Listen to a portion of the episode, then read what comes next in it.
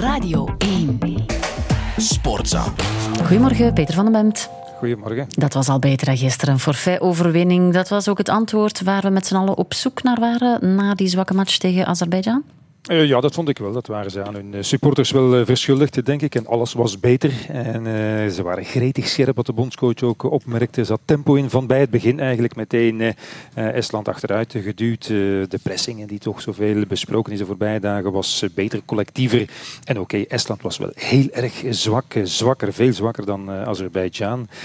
kinderlijk simpel verdedigd. Dat heeft met internationaal topvoetbal weinig van doen. Maar oké, dan kan je toch slecht doen. En de Belgen hebben het gewoon heel erg goed gedaan. Eigenlijk redelijk een hele wedstrijd volgehouden. Mm -hmm. En dat bleek ook een beetje nodig te zijn, want het was opvallend dat het stadion toch maar voor ja, dikke helft gevuld was. En dat heeft er misschien toch mee te maken dat ja, deze generatie het publiek nog moet veroveren misschien wel. En vroeger kwamen ze kijken naar de echte grote sterren uit de Premier League, die je maar enkele keren per jaar kon zien met eigen ogen live dan, hè, zoals de Bruiden en Compagnie en Hazard enzovoort. En deze aankomende sterren moeten dat publiek misschien nog inpalmen. En dan is een wedstrijd zoals gisteren, waar je geen conclusies mag uittrekken, voor alle duidelijkheid, met het oog op het echte werk, mm -hmm. dan toch maar goed gedaan. Een soort zondagswandeling, weliswaar, maar oké. Okay. Maar goed, we weten dat uh, de vorige generatie en deze ook, dat in thuiswedstrijden tegen kleine landen uh, wel vaker doet, dat ze dat niet laten liggen. Dus, uh, nee. voilà. En daar zijn ook wel sterren bij. Hè? Laten we er een paar uitpikken.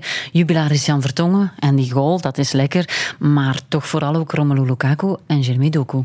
Ja, zeker. Eresaluut. Hè. Wat je zegt aan uh, Jan Vertongen. Leuk in zijn 150ste wedstrijd dat hij dan net een doelpunt maakt. Hè. Dat was zijn eerste in vijf jaar. De vorige mm -hmm. was die dwarrelbal tegen, Japan niet onbelangrijk. Ja, dat was en, er ook in, ja. Ja, en inderdaad, uh, Lukaku. Je ziet zo dat hij ver van zijn uh, beste vorm of grootste fitheid verwijderd is. Maar hij heeft precies gespeeld zoals dat nu kan op dit moment. tegen Azeri of Este is dat nog meer dan genoeg. Heeft eigenlijk twee wedstrijden echt in de spits gestaan. Letterlijk kan je dat aannemen. Ik denk dat hij geen drie sprints heeft getrokken over die twee wedstrijden. Maar zelfs dan was hij niet te stuiten. Uh, konden geen van die twee er echt bij natuurlijk. Bal afschermen, afleggen, dat soort dingen. Hij had tegen Azerbeidzjan voor het eerst in 16 WK of EK voorronde wedstrijden geen doelpunt gemaakt. Nu natuurlijk twee ineens. En een uh, leuk weetje heb ik gelezen in Le Soir, moet ik toegeven. hij heeft er 77 gemaakt. Dat is evenveel als Pelé. Al moeten we daar wel zeggen. Pelé heeft er natuurlijk wel een paar in de finale van het WK gemaakt. Dat, ja. gaat, die, dat gaat er niet van komen. En dan Doku, opwindende speler, geweldig. Het publiek heeft ervan genoten. Zijn potentieel is geweldig. Voortdurend initiatief, dat hebben we gemist in Azerbeidzjan. Uh, dribbles, uh, dat publiek geniet ervan. Maar het is toch, en dat hebben we gisteren nog eens gezien, een nog altijd niet afgewerkt product. Op zijn leeftijd is dat niet onlogisch. Toch nog veel te vaak na een geweldige actie geen voortzetting. Of in, in de zone van de waard dan niet meer precies weten wat er met de bal moet gebeuren. Je zou eens moeten turven hoe vaak een actie, een geweldige actie met, met de bal aannemen en versnellen, hoe hoe vaak die tot een concrete, echte doelkans heeft geleid. Maar goed, wat ik zei is nog maar 21 en Ruud. Hij kan nu de komende negen maanden is het zeker uh, voetballen, in, uh, en voetballen in de vaardige handen van Pep Guardiola. Als die ermee aan de slag gaat en die gebruikt hem goed en hij is leergierig, en dat is hij, want hij legt de lat voor zichzelf hoog. Ja, dan, dan hebben we een afgewerkt product. Ja, misschien nog niet afgewerkt, maar dan denk ik dat hij alles heeft om volgend jaar in Duitsland een van de absolute ja. sensaties van het EK te worden. Ja, hij zal scherp staan. Um, wie er niet bij was, Juri Tielemans, hè, opvallend afwezig in de basiself van Tedesco. Ja, ja. Uh, wat is daar aan de hand? Ja, ik denk dat hij twee problemen heeft. Eén, uh, hij is natuurlijk ver al een hele tijd van zijn beste niveau in zijn periode bij Anderlecht of bij Leicester, waar iedereen dacht hij is klaar om de stap te zetten naar een van de absolute topclubs in de Premier League. Dat is er niet van gekomen. Ze zijn ook niet echt gekomen, moet ik zeggen. Dus dat moet hij terugvinden. Juri Tielemans heeft al een paar kansen gekregen, zoals in Azerbeidzjan, bevind ik. Ook is er zo'n kans geweest en hij grijpt die niet. En het tweede, en dat is misschien een nog groter probleem, ja, de complementariteit tussen Magala, de man die zijn plaats innam, mm-hmm. en Onana. Uh, dat was ook ook het duo in die referentiewedstrijd tegen Duitsland, waar België toch indruk ja. maakte. En Onana, oké, okay, er zit nog, nog veel afval in het spel, voor alle duidelijkheid. Moet ook nog stappen zetten, maar die is incontournabel geworden. En Mangala, zijn profiel past beter bij de filosofie van Tedesco. Namelijk sterk, energiek, drive, veel diepgang, veel infiltratie, zoals we dat gisteren ook zagen. Veel power.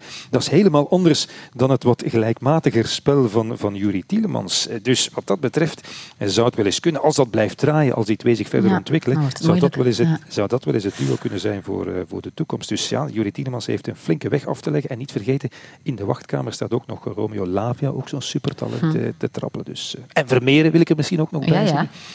Voilà. Dus veel volk waar Tielemans moet mee afrekenen. Toch leuk, hè? Um, de Rode Duivels zijn er bijna, maar nog niet helemaal. Maar mislopen kan dat toch niet meer, hè, die plaatsing voor het EK?